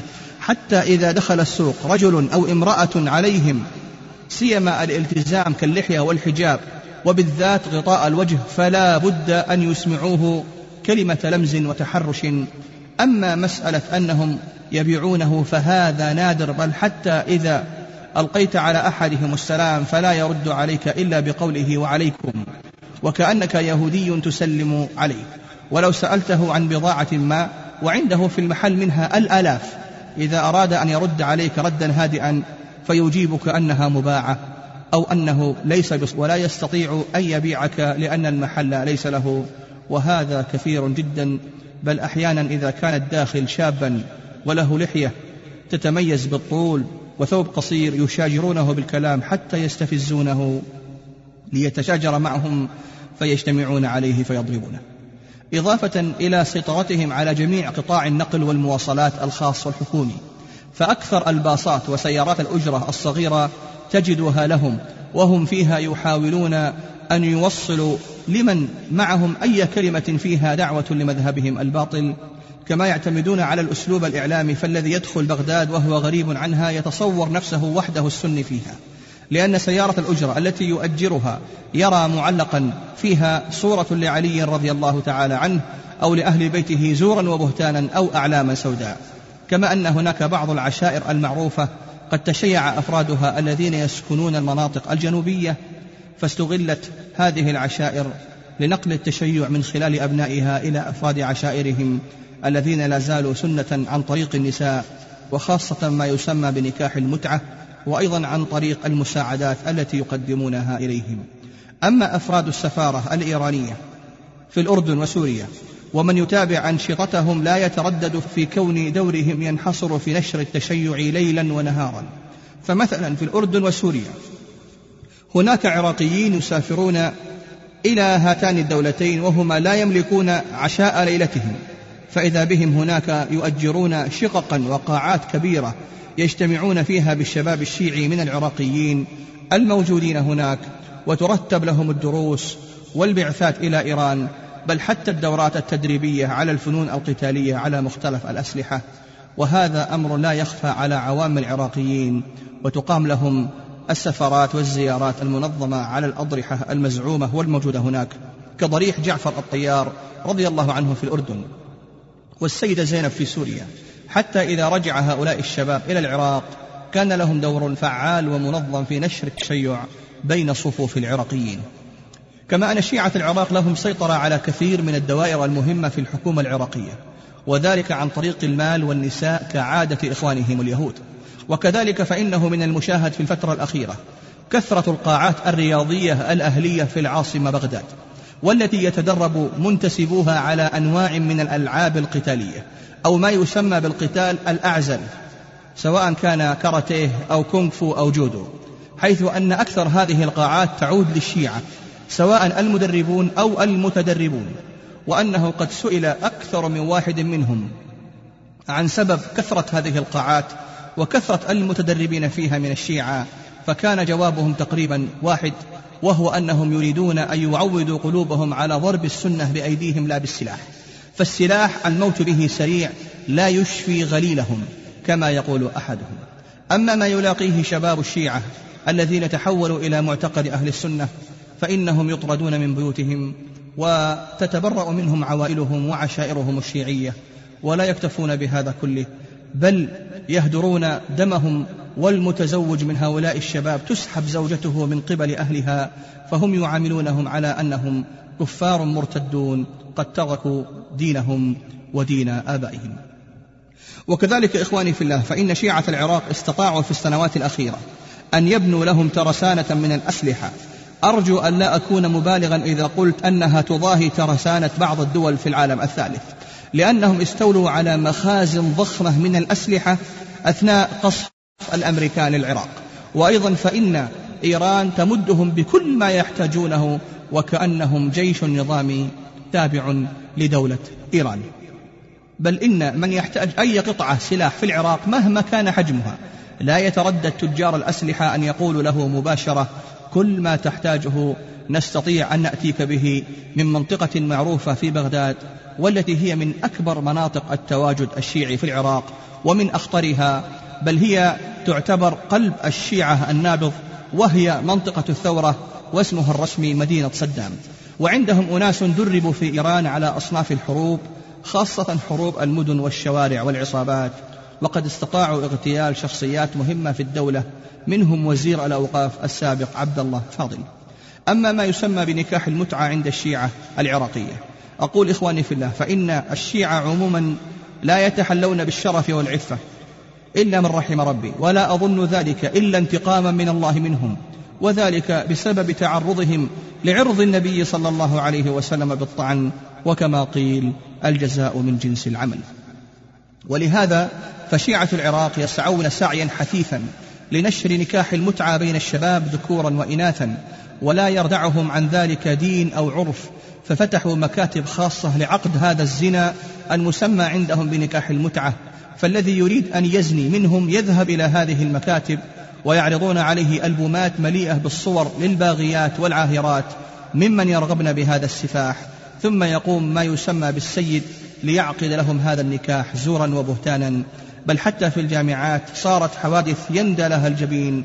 فكم من بكر فضت بكارتها بهذا النكاح الباطل الذي يروج له شيوخ الشيعة في العراق.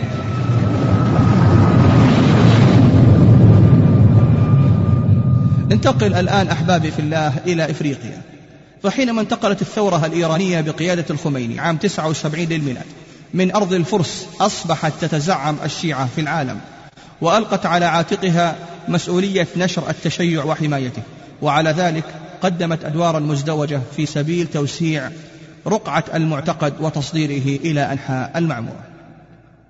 وقد استطاع الشيعة في إيران توصيل مذهبهم إلى أصقاع مختلفة من العالم ومنها منطقة شرق إفريقيا التي شهدت نشاطا شيعيا مكثفا واسع النطاق وبقنوات مختلفة عن طريق الدعم الكبير الذي تقدمه السفارات والقنصليات الإيرانية في تحقيق مآربهم في شرق إفريقيا ولا سيما في المناطق الساحلية والقريبة من هذه الجزيرة المباركة أعني بها جزيرة العرب مهبط الوحي ويتركز نشاطهم فيما يلي. أولا فتح مراكز ثقافية في المنطقة وهذه المراكز تتكون من مكاتب علمية وقاعات للاجتماع وعقد الندوات وأماكن لتوزيع النشرات والكتب والأشرطة الدينية التي تدعو إلى العقيدة الاثنى عشرية.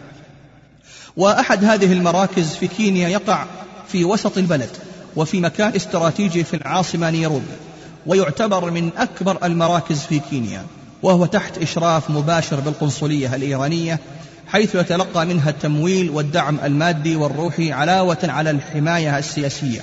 وهذه المراكز يديرها مجموعات شيعية مدربة تتقن عدة لغات مثل الإنجليزية والعربية إضافة إلى لغة السكان المحليين وغالبا ما تضم هذه المراكز مكتبات علمية ضخمة فريدة من نوعها. تحتوي على كتب علمية في مختلف صنوف العلم والمعرفة من تفسير وعلومه وحديث وعلومه وفقه وأصوله ولغة وأدب وتاريخ وسيرة ومعارف أخرى كما تحتوي على مجلات وجرائد أسبوعية أو شهرية وأخرى فصلية. وهذه الجرائد يغلب عليها الطابع الشيعي الجعفري الاثنى عشري لأنها بطبيعة الحال يأتون بها من داخل دولة إيران. ثانيا فتح مدارس علمية وأكثرها ثانوية وقد أنشأ الشيعة في المنطقة مدارس مختلفة المستويات التعليمية. وهذا النوع من المدارس كثير ومنتشر في العواصم والمدن الكبيرة وهي في الغالب مدارس أهلية يديرها مدرسون وطنيون شيعة غير أن رئيسهم الروحي إيراني ويطلق عليه لقب الفقيه وهناك مدارس ابتدائية ومتوسطة. ثالثا النشاط الدعوي الكبير بين الشباب المثقف. وقد وجد الشيعة في الآونة الأخيرة آذانا صاغية لبدعهم وذلك بعد أن جندوا نخبة من السكان الأصليين الذين تعلموا المعتقد الشيعي واجتهدوا لنشره بين صفوف المجتمع. وهؤلاء الدعاة يتقاضون الأجور من قبل السفارات والقنصليات الإيرانية في المنطقة الإفريقية. والحقيقة إخواني في الله أن الشيعة تتبع أساليب وطرقا مختلفة من إغراء بالأموال وإعطاء منح دراسية لمن تروقه أفكارهم المنحرفة من الشباب ويستحسن طابعهم الشيعي. علما بأن غالبية السكان الأفارقة ليس لديهم مناعة قوية وحصانة شرعية من هذه البدع المسمومة والموجهة إليهم. ومع هذا أخذت الشيعة توطئ قدمها على أرض شرق إفريقيا وبذلت وما زالت تبذل جهودا في سبيل نشر التشيع والولاء لدولتهم الشيعية إيران. وذلك بعدة أمور منها اهتمام الشيعة بالمسلمين الجدد في إفريقيا وزعزعة عقيدتهم وإدخالهم في التشيع اهتمامهم باللاجئين الصوماليين وإغرائهم بالمنح الدراسية فتح قنوات تلفزيونية ولا سيما في تنزانيا اهتمامهم بإعداد المناهج الدراسية وتوفيرها تركيزهم على المسلمين في المناطق الساحلية.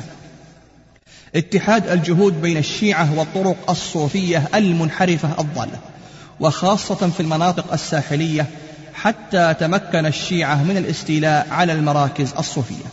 نشرهم كتبا تسب تعاليم الإسلام وعقيدته الصحيحة وكذلك علماء أهل السنة مثل شيخ الإسلام الإمام المجدد محمد بن عبد الوهاب رحمة الله عليه.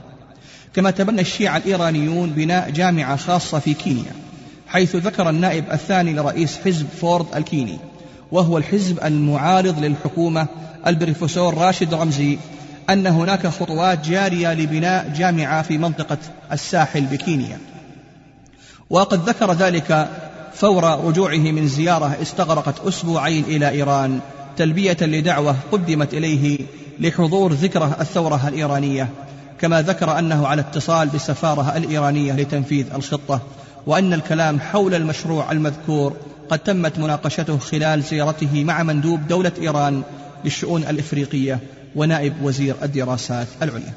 وفي المقابل وأنا أقولها بكل ألم وأسف إن بعض الجامعات الإسلامية في بعض الدول العربية لم تعد تقبل الطلاب من الدول الأفريقية إلا في أضيق نطاق بينما إيران تفتح لهم الأبواب. أما إذا أردنا أن نفصل قليلا إخواني في الله وندخل إلى بعض الدول الإفريقية كالسودان مثلا فالسودان ذلك البلد الذي أنهكته الحروب والانقلابات وفرقت أهله الأحزاب والجماعات والذي يئن تحت وطأة الفقر المدقع وتطارده المجاعة ويؤرقه اللاجئون ويعاني من الفيضانات المدمرة وتتكالب عليه قوى الشر والتنصير من كل مكان وتضرب الصوفية المنحرفة أطنابها في كثير من أجزائه. كل هذه الظروف أوجدت أرضا خصبة للشيعة الرافضة فجمعوا قواهم وجندوا كوادرهم ورموا بثقلهم وذلك بعد النجاح الذي حققوه لدعوتهم في كثير من الأقطار كنيجيريا وبنين والسنغال والكاميرون وغيرها حيث حققوا أعظم النتائج بأيسر التكاليف وأسرع الأوقات في ظل غياب أهل السنة عن إخوانهم في دولة السودان. مما جعل أحد الشيوخ في السودان يقول هذه العبارة المشهورة حيث يقول سبحان الله كنا نقول ليس في السودان إلا مسلم مالكي أو جنوبي وثني وها نحن نسمع اليوم بنصارى ورافضة وملحدين وعلمانيين انتهى كلامه. ومن يرى واقع الدعوة الشيعية في السودان يرى أن الشيعة يعملون في مجال نشر دعوتهم الخبيثة على عدة محاور ويركزون عليها تركيزا كبيرا لأنهم يحاولون الآن حصد أكبر قدر ممكن من الناس في هذه الظروف والتي قد لا تتهيأ فيما بعد وهذه المحاور والتي من خلالها يحققون هذا الهدف هي كالتالي. أولا المحور الطلابي وهؤلاء الطلاب مصنفون في نظرهم إلى ثلاثة أصناف. الصنف الأول طلاب الجامعات ذكورا وإناثا وهؤلاء يحتلون الدرجة الأولى في الاهتمام عند الشيعة الإمامية. ولا عجب أن تعلم أخي الحبيب أن من شدة التأثير على هذه الفئة أنه وخلال السنوات الثلاثة الأخيرة تم تسجيل ثلاثة عشر رابطة طلابية بأسماء مختلفة في جامعات مدينة الخرطوم فقط بخلاف بقية جامعات المدن الأخرى وهذه الرابطات لها أنشطتها الثقافية والدعوية القوية. ومما يبين شدة تأثر فئات كبيرة من الطلاب بفكر الشيعة كثرة مناقشتهم لأساتذة التربية الإسلامية حول مسائل كانت مسلمة عندهم قبل ذلك مثل عدالة الصحابة وخلافة الشيخين وبراءة أم المؤمنين عائشة رضي الله عنها وعن جميع الصحابة. بل إن الحال وصل ببعض الطلاب أن تشبع بهذا المذهب حيث قام يناقش أحد الأساتذة في جامعة الخرطوم حتى أفحم هذا المدرس أمام طلابه مما يدل على شدة تمكنهم وقناعتهم بهذا الفكر الرافضي الدخيل وقد نجحت الدعوة الشيعية في هذا الصنف من الطلاب ونجحت نجاحا أقض مضاجع المهتمين من الدعاة والمصلحين من أساتذة هذه الجامعات حتى أصبحت هي حديث منتدياتهم في مجالسهم الخاصة والعامة. الصنف الثاني الطلاب ذكورا وإناثا ممن هم تحت المرحلة الجامعية في المدارس النظامية.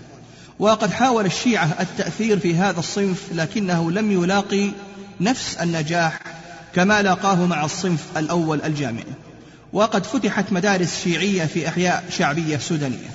ثم فشلت لأسباب عديدة فتم إغلاق الكثير منها. الصنف الثالث وهم طلاب الخلاوي والمدارس القرآنية. وهذا الصنف ليس بأقل نجاحا عندهم من الصنف الأول فقد تم احتواء عدد من الخلاوي القديمة. والتأثير على شيوخها بالمال وغيره مع الجهل الذي يصاحب هؤلاء الشيوخ غالبا بدينهم وعقيدتهم. ومن ثم يتم التأثير بكل بساطة على طلبة هذه الخلاوي والمدارس القرآنية. إضافة إلى احتوائها حيث يقوم هؤلاء الرافضة الشيعة بزيارة تلك الخلاوي زيارات متتالية. يصحبون معهم الغذاء والكساء والهدايا والكتب والمصاحف ويقومون بتوزيعها على الطلاب. كذلك يقومون خلال هذه الزيارات بإلقاء الدروس والمحاضرات. وكذلك انتقاء الطلبة المتميزين وإعطائهم منح دراسية في المعاهد والمراكز التابعة لهم في العاصمة الخرطوم. ومن ثم بعد حصولهم على هذه الشهادات يعطونهم منح دراسية إلى دولة إيران وهكذا يرجع ذلك الطالب متشيعا من رأسه إلى أخمص قدميه فإلى الله المشتكى. المحور الثاني والذي من خلاله يحقق الشيعة أهدافهم في السودان هو محور شيوخ الطرق الصوفية ويمكن تقسيمهم إلى قسمين من حيث التأثر. القسم الأول شيوخ تشيعوا فعلا بل صاروا دعاة للرفض والتشيع ومنافحين عنه ومن هؤلاء الشيخ محمد الريح حمد النيل.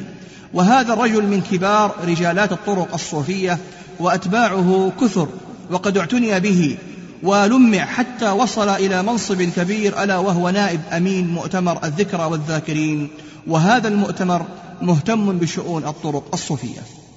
كذلك الشيخ أبو قرون وهو من أكبر المتبوعين على مستوى السودان وبدأ يظهر أمام الناس وفي المحافل العامة وقد اكتسى بالسواد الذي لا يفارقه منذ أن تشيع. أما القسم الثاني من الصوفية فهم الذين مالوا إلى الرافضة بسبب ما وجدوه من دعم مالي لكنهم لم يتشيعوا وإنما فتحوا للشيعة مساجدهم وقلوب أتباعهم ومريديهم ووقفوا موقف المحايد. ومن هؤلاء الشيخ الياقوت وهو من أكبر شيوخ الطرق الصوفية في السودان. وهذا الشيخ لا تتوقف زيارات الشيعة له ولا تنقطع أبدا. وكذلك الشيخ ود بدر وهو أيضا من أكبر المتبوعين في السودان. وقد تمت زيارته وتوثيق العلاقة به من قبل أكبر وأشهر داعية إيراني شيعي على مستوى قارة إفريقيا ألا وهو محمد الشاهدي حيث كان يزوره وفي